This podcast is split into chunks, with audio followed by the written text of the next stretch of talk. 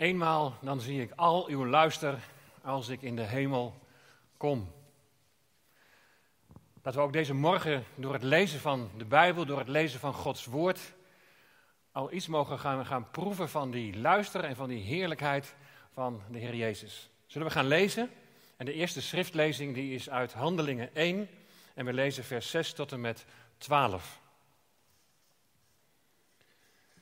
Zij dan die samengekomen waren, die vroegen hem, dus aan de Heer Jezus, Heere, zult u in deze tijd voor Israël het koninkrijk weer herstellen? En hij zei tegen hen, het komt u niet toe de tijden of gelegen te weten, gelegenheden te weten die de Vader in zijn eigen macht gesteld heeft. Maar u zult de kracht van de Heilige Geest ontvangen, die over u komen zal. En u zult mijn getuige zijn, zowel in Jeruzalem als in heel Judea en Samaria en tot aan het uiterste van de aarde.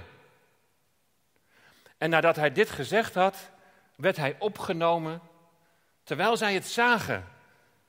En een wolk onttrok hem aan hun ogen. En toen zij, terwijl hij van hen wegging, hun ogen naar de hemel gericht hielden, zie twee mannen stonden bij hen in witte kleding. Die ook zeiden, Galileese mannen, waarom staat u omhoog te kijken naar de hemel? Deze Jezus, die van u opgenomen is naar de hemel, zal op dezelfde wijze terugkomen als u hem naar de hemel hebt zien gaan. En toen keerden ze terug naar Jeruzalem van de berg die de Olijfberg genoemd wordt. Die vlak bij Jeruzalem is en daar een sabbatsreis vandaan ligt. Nou, tot zover deze eerste schriftlezing en gaandeweg deze overdenking zullen we nog met elkaar lezen. Hebreeën 4, vers 14 tot en met 16. We vieren vandaag het feest van hemelvaart. Een feest hoor je samen te vieren. En je wilt fysiek bij elkaar zijn. Je wilt elkaar ontmoeten en je wilt het samen beleven. Maar ja, voor de apostel Paulus was het ook niet altijd mogelijk om fysiek aanwezig te zijn bij de gemeente, hoewel hij dat zo graag wou.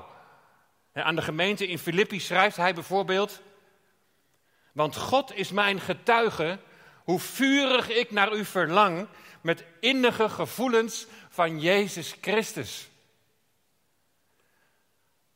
Ik begin daar zo langzamerhand iets van te herkennen. Zo dat diepe innige verlangen om weer samen te zijn, elkaar te ontmoeten, elkaar in de ogen te kunnen kijken. Maar Paulus die schreef dan een brief. Nou, we weten niet 100% zeker of hij Hebreeën geschreven heeft. Maar in het algemeen zie je in de brieven van Paulus dat hij op zo'n bijzondere wijze steeds weer die heerlijkheid en de glorie van de Heer Jezus schildert. En hij laat ons ook steeds weer zien welk een rijkdom wij als gelovigen in Hem hebben ontvangen. En als dat alles in je hart weerklank vindt, door de werking en de kracht van de Heilige Geest, dan ervaar je toch verbondenheid. Allereerst met onze Heer Jezus Christus, maar ook verbondenheid met elkaar.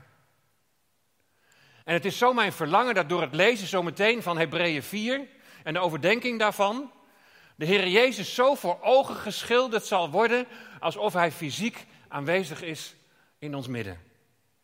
Hij die ons met elkaar verbindt en waar we ook zijn. Zullen de discipelen van Jezus het destijds als een feest hebben ervaren? Het is voor hen een afscheid.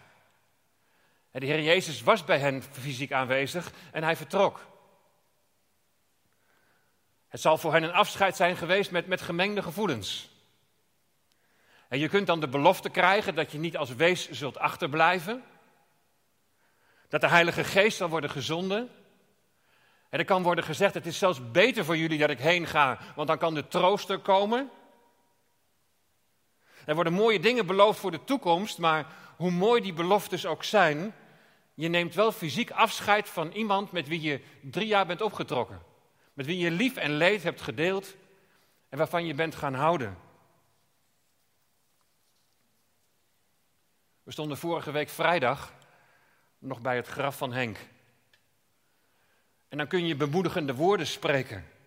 Voor Henk is nu alles volmaakt. Voor ons wacht ook die, die geweldige toekomst. Maar Ali moet wel fysiek afscheid nemen van haar man. En hoe moeilijk is dat? En hoe zal het dan verder gaan? Ja, wat de toekomst brengen mogen. Er gaat in ieder geval gaat er heel veel veranderen als je afscheid neemt. Voor de zekerheid vragen de discipelen nog even aan Jezus: Heer, herstelt u in deze tijd voor Israël het koninkrijk? Met andere woorden, ja, het, het gaat toch nog wel goed komen? geef ons iets waar, waar we houvast aan hebben. En Jezus corrigeert deze vraag niet. Het is een terechte vraag. En dat verlangen naar Jezus' koningschap over Israël en daarmee over deze wereld. Maar, maar het enige waar de Heer Jezus op ingaat is in deze tijd.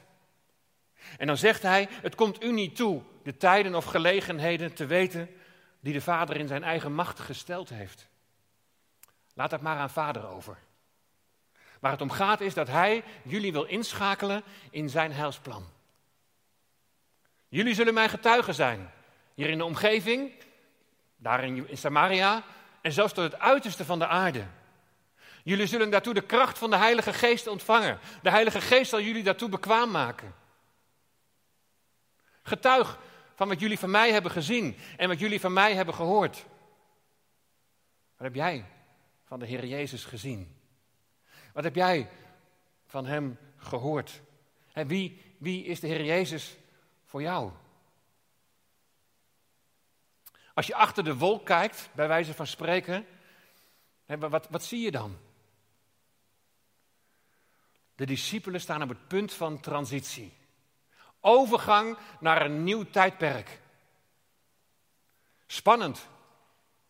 Kijk, alles wat nieuw is, wat anders zal gaan dan je tot nu toe gewend bent, dat kan je misschien best wel een stukje onzeker maken.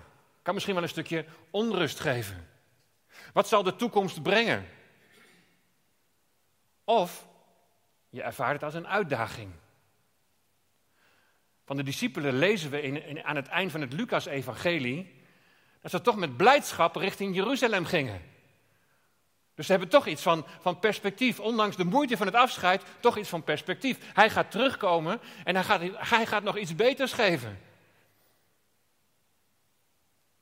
In de tijd waarin we nu leven stel ik deze vraag ook wel. Heere Jezus, uw koningschap, zal het spoedig zijn? Er verandert zoveel in, in korte tijd in deze wereld. Ja, ik hoef niet te weten wanneer en, en ik ga er ook niet over speculeren. Maar Heer, u hebt wel gezegd, let op de tekenen van de tijden. En ik heb het gevoel dat die tekenen als het ware over ons heen buitelen. Oh, het maakt me niet onzeker. Het geeft geen onrust. Want u, Heer Jezus, u bent immers in control. Wat de toekomst brengen mogen. En mij geleidt dus Heer een hand. En moedig sla ik dus de ogen naar het onbekende land. Oh ja, ik ervaar het best als een uitdaging. Ik ben best wel heel benieuwd hoe het verder zal gaan. Maar als ik eerlijk ben, ben ik niet altijd moedig. En zijn er ook wel eens even die momenten van, van onrust. Dit overheerst zeker niet, maar, maar, maar soms. En Heer, hoe leer ik dan weer op U te vertrouwen?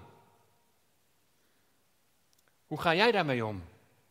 Lukt het om, om los te laten, op de Heer te vertrouwen, hoe de omstandigheden ook zijn. En ook al weet je nog niet hoe het allemaal verder zal gaan, wat die omstandigheden in jouw leven ook zijn. De afgelopen dagen ben ik, ben ik bezig geweest, uiteraard ook in voorbereiding op deze dienst, met, met de betekenis van hemelvaart. En, en ik heb weer ervaren dat het zo belangrijk is dat het mij weer in herinnering wordt gebracht dat hemelvaart, dat het veel meer is dan afscheid nemen. En misschien ervaar je bij jezelf ook wel iets van, van onzekerheid of onrust, omdat je niet weet wat de toekomst zal brengen. Nou, laat de betekenis van hemelvaart, die, die ik zo meteen verder wil uitleggen, laat die je bij herhaling of bij vernieuwing, of misschien wel voor het eerst, laat die boodschap je sterken en bemoedigen. Dat straks helemaal doorgedrongen mag zijn wat de betekenis van hemelvaart is. Dat het een feestelijke gebeurtenis is. En wat de relevantie van hemelvaart is tot op de dag van vandaag. Nou, we gaan daartoe lezen de tweede schriftlezing en dat is Hebreeën 4, vers 14 tot en met 16. En daar lezen we het volgende. Daar wij nu een ho grote hoge priester hebben, die de hemelen is doorgegaan, Jezus, de Zoon van God, laten wij aan die beleidenis vasthouden. Want wij hebben geen hoge priester die niet kan meevoelen met onze zwakheden, maar een die in alle dingen op gelijke wijze als wij is verzocht geweest, doch zonder te zondigen. Laten we daarom met vrijmoedigheid toegaan tot de troon der genade, opdat wij barmhartigheid ontvangen en genade vinden om hulp te verkrijgen te gelegene tijd, op, de juist, op het juiste tijdstip. De Heer Jezus die werd dus opgenomen. En zijn discipelen die zagen het. Een wolk onttrok hem aan hun ogen. De discipelen kijken omhoog. Ze kijken Jezus na. Kunnen ze hem nog niet loslaten? Het gordijn gaat, om zo te zeggen, gaat dicht. En twee mannen in witte kleding die vragen dan: waarom staat u omhoog te kijken naar de hemel? Deze Jezus die van u opgenomen is naar de hemel, die zal op dezelfde wijze terugkomen als u hem naar de hemel hebt zien gaan. De discipelen moeten nu hun blik van de hemel afwenden. Ga naar Jeruzalem, jullie zullen de Heilige Geest ontvangen en jullie zullen mijn getuigen zijn. Maar wij blijven vandaag even omhoog kijken. Niet dat wij in deze eindtijd waarin wij leven, maar passief blijven afwachten totdat de Heer Jezus komt. Het is ook niet omhoog kijken en, en geen oog meer hebben voor onze verantwoordelijkheid in deze wereld. Maar we kijken juist omhoog om zoiets te verstaan van, van die wonderlijke gebeurtenis daar op de Olijfberg. Met het diepe verlangen dat de betekenis van die opgang naar de hemel je zal sterken om je mogelijke onzekerheid of onrust los te laten. Dat het je zal sterken en kracht zal geven om discipelen van Jezus te zijn. En net als de discipelen te getuigen in deze wereld van de opgestane Heer. Verheerlijkt. Troont aan de rechterhand van de Vader. In Hebreeën mogen we achter de wol kijken en een blik in de hemel werpen. Achter de wolken schijnt de zon. Ik weet nog dat Karen en ik tijdens onze huwelijksreis in Zwitserland met een gondel omhoog gingen. En we twijfelden of we het zouden doen. Eigenlijk was het weggegooid geld. Het was zo dicht bewolkt, we zouden niks zien. Maar we hebben het toch gedaan. En toen we daar boven stonden, ineens was het alsof de wolken even opzij werden geschoven. En wat we toen zagen, dat was adembenemend. Die prachtige witte bergtoppen. Het was prachtig. En dat is wat de Hebreeën schrijver ook wil bewerken. En wat ook mijn verlangen is. Dat waar het in de wereld en in misschien ook wel in jouw leven dicht bewolkt is, dat de wolken even opzij geschoven mogen worden en, en, en je de glorie van de Heer Jezus zult zien. Als je Hebreeën leest, dan wordt duidelijk dat er Joodse gelovigen zijn die Jezus als Messias hebben aanvaard, maar dat die op hun schreden weer terugkeren om te ontkomen aan de vervolging van hun landgenoten. Aan hen is dit schrijven gericht. Ze hebben de neiging om weer terug te gaan naar de Joodse priesterdienst, terug naar de offerdienst. Ze wenden zich als het ware van de hemel af en de Heer Jezus en zijn glorie, die raken uit beeld. Ze dreigen zich af te keren van de genade en voegen zich weer onder de wet. Het is een verzoeking van de duivel, die ze uit het licht wil wegtrekken en weer terug naar de schaduw. Want de tabernakel en de priesterdienst die zo omschreven worden in de hele Hebreeënbrief, dat was een schaduw. En die schaduw is een beeld van een geestelijke werkelijkheid. En wat die Hebreeën schrijver wil laten zien, is dat de Heer Jezus die geestelijke werkelijkheid is. En dat je juist op Hem moet vertrouwen. Alles in de tabernakel en de dienst in de tabernakel wijst naar de Heer Jezus, vindt zijn vervulling in de Heer Jezus. De aardse tabernakel kende een hoge priester die één keer per jaar via de voorhof en dan het heilige naar het heilige der heiligen ging om daar verzoening te doen. Deze hoge priester moest ook verzoening doen voor zichzelf. En de offers moesten steeds ieder jaar weer opnieuw worden gebracht. Jezus is de grote hoge priester, hebben we net gelezen.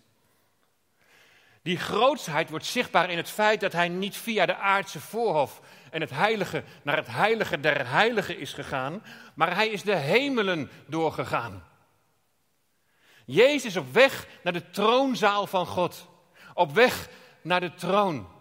Jezus de overwinnaar. Wat zal hij met gejubel zijn binnengehaald? Het meervoud hemelen, dat geeft de grootsheid en de wijsheid en de, en de verhevenheid van Gods woonplaats aan. De grote hoge priester, de zoon van God.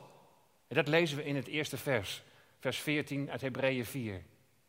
De grote hoge priester, de zoon van God, is de hemelen doorgegaan. Hij sprenkelde niet zoals de aardse hoge priester het bloed van een dier op het verzoendeksel. En het jaar daarna weer opnieuw. Want dat is de schaduw Jezus Christus, de hoge priester, de zoon van God, is zelf het zoenmiddel geworden. Hebreeën 9, vers 12.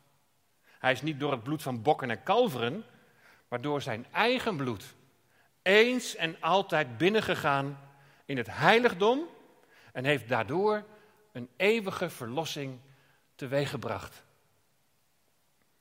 Zie je, hemelvaart is veel meer dan een vertrek. Het is de glorietocht van de Heer Jezus. Binnengaan in het heiligdom. Laten we aan die beleidenis vasthouden dat Jezus onze hoge priester is.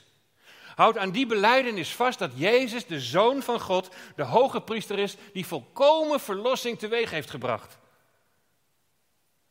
Tegen wie de Vader zei toen hij arriveerde, zit aan mijn rechterhand. Dan kun je lezen in Hebreeën 2, vers 19 en dan wordt Psalm 110, vers 1 aangehaald. De Heere heeft tot mijn Heere gesproken. Zit aan mijn rechterhand. We kijken achter de wolk. En dan, dan zien we dat de Heer Jezus, dat hij troont naast de Almachtige God en Vader. In de macht van de Vader. Van wie hij koninklijke volmacht ontvangt. Hij door wie de Vader regeert. Als je zo achter de wolk kijkt, dan zie je de grote verhevenheid van de Heer Jezus. Weet je, dat, dat Christus troont aan de rechterhand van zijn Vader, dat geeft mij een rijke troost. En ik hoop dat het voor jou ook zo is. Het kan zwaar bewolkt zijn in je leven. Maar probeer even dat gordijn als het ware opzij te schuiven. Kijk even voorbij die wolk. Wat zie jij in de hemel? En wie is Hij voor jou? De Heer Jezus in de troonzaal, aan de rechterhand van de Vader. De troonzaal van God is de plaats van de grootst mogelijke macht. Hij is boven alle macht en kracht en heerschappij. En bedenk dan dat daar, waar de, waar de grootste machthebber zetelt, dat wij daar de best denkbare advocaat hebben. Hij is niet alleen de grote hoge priester en de zoon van God, en daarin is hij de grote verhevene. En kan het misschien nog wel een beetje voelen als, als een beetje ver af. Nee, hij is ook Jezus, lezen we in vers 1. Yeshua, vers 14 van Hebreeën 4. Yeshua de mens. Jezus de mens op de troon. De verheerlijkte mens. die voor jou bidt en die voor jou pleit. Wie door de Heer Jezus tot de Vader gaat, staat in Hebreeën 7, vers 25, die wordt volkomen verlost, omdat Jezus altijd leeft om voor ons te pleiten. Je leest dat ook in Romeinen 8, vers 34. Daar staat, wie is het die verdoemt? En dan staat er, Christus is het die gestorven is. Ja, wat meer, die ook opgewekt is. Die ook aan de rechterhand van God is. En die voor ons pleit. Die voor jou pleit. Lieve mensen, je hebt, je hebt een pleitbezorger in de hemel. Een pleitbezorger, de pleitbezorger die jouw strijd kent. Hij is immers als mens op dezelfde wijze verzocht geweest als wij. En weet je, verzoeking komt van de duivel. Hij wil niks liever dan dat het gordijn gesloten blijft.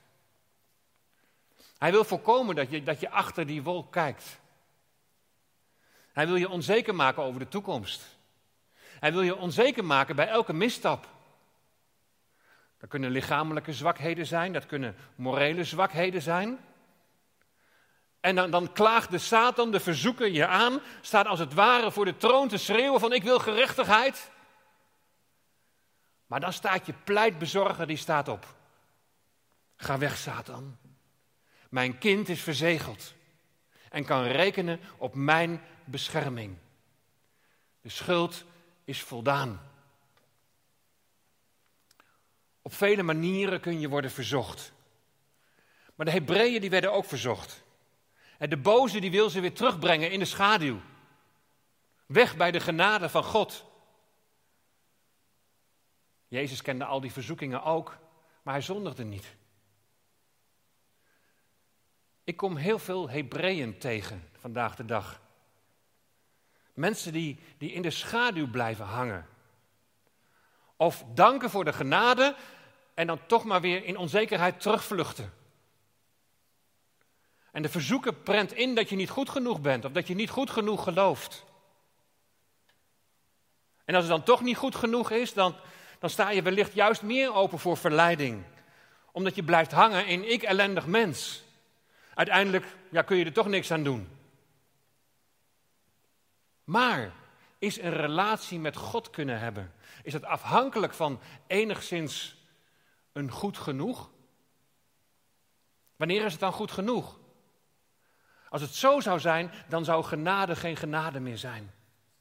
We hebben allemaal 100% genade nodig om verlost te worden uit de macht van de boze, om verlost te worden uit de macht van de zonde. En die volmaakte verlossing heeft de Heer Jezus bewerkt. Hij die gestorven is, die opgestaan is en die volkomen verlossing heeft bewerkt toen hij opging naar de hemel, opging naar de troon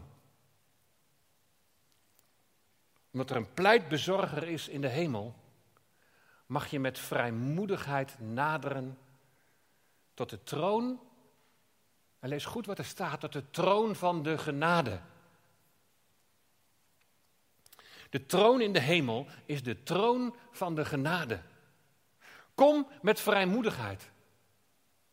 En die vrijmoedigheid heb je niet op grond van je werken, op grond van prestatie, maar enkel en alleen 100% op grond van genade. Kom tot de troon van de genade opdat je barmhartigheid verkrijgt. Opdat je genade krijgt om geholpen te worden op het juiste tijdstip. Hulp tegen aanvallen uit het rijk van de duisternis. Als die je weer influistert dat je niet goed genoeg bent.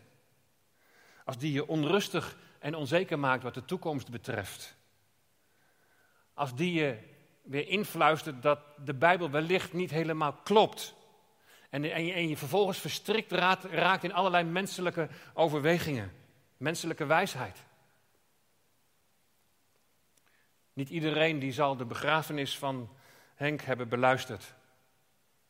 Henk heeft zijn leven lang geworsteld met het geloof. En geen zekerheid en vele onbeantwoorde vragen. Deze nuchtere Drent, die kon niet uit de voeten met de schepping, zoals die beschreven stond in Genesis. Hij kon niet uit de voeten met de drie eenheid. En ja, als dat in jouw ogen niet klopt, hoe zit het dan met het verlossingswerk van de hemelse hoge priester? Het was voor hem was het een levenslange worsteling. En onze nuchtere Drent belde op een gegeven moment op. En hij zei, bewogen, hij zei, Bert, ik heb een, er is een wonder gebeurd. Hij had gedroomd. Hij had gedroomd dat er een grote steen op hem lag die zwaar op hem drukte. En die steen die werd weggenomen, die rolde weg en ging in puin. En hij zei, ik werd wakker en ik was een ander mens. Geen vragen meer, voluit de zekerheid van geloof. Gered te zijn door Gods genade. De verzoeker die liet hem vastlopen in menselijke beredeneringen. Maar God kwam hem tegemoet in een droom. Het was het moment van zijn wedergeboorte. Ja, hij zei zelf, ik zal het zo niet gauw noemen, maar het is wel zo. Prachtig.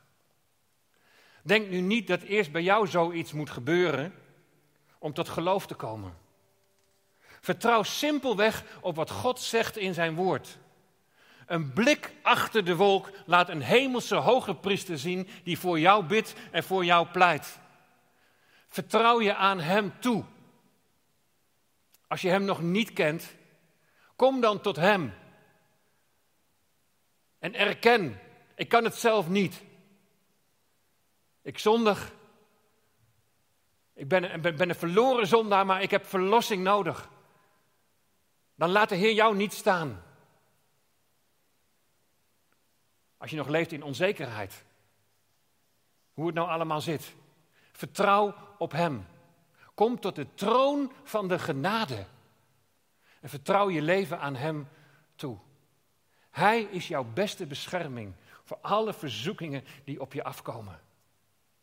Achter de wolken, daar schijnt de zon. Misschien ben je in hele moeilijke omstandigheden. Misschien is het, is het dicht bewolkt in je leven. Weet dan, achter de wolken schijnt de zon. Hou daaraan vast, de zon der gerechtigheid, de Heer Jezus Christus, opgevaren naar de hemel. Ook jouw hemelse hoge priester. Hij bidt en hij pleit voor jou. Achter de wolken schijnt de zon, daar is licht. Jezus, licht in de duisternis. Jezus, vaders getuigenis. Jezus, liefde die eeuwig is. Jezus, weg die ik volgen moet. Jezus, waarheid, volmaakt en goed. Jezus, leven in overvloed. Waar zou ik gaan zonder u? Waarom bestaan zonder u? Jezus, mijn hoop en mijn kracht. U bent mijn Heer. En Jezus, totdat ik bij u ben. Jezus, en, en u volkomen ken. Jezus, geef ik mijn hart en stem en prijs u. Jezus, overwinnaar op de troon. Uw naam zij geloofd en geprezen. Halleluja. Amen.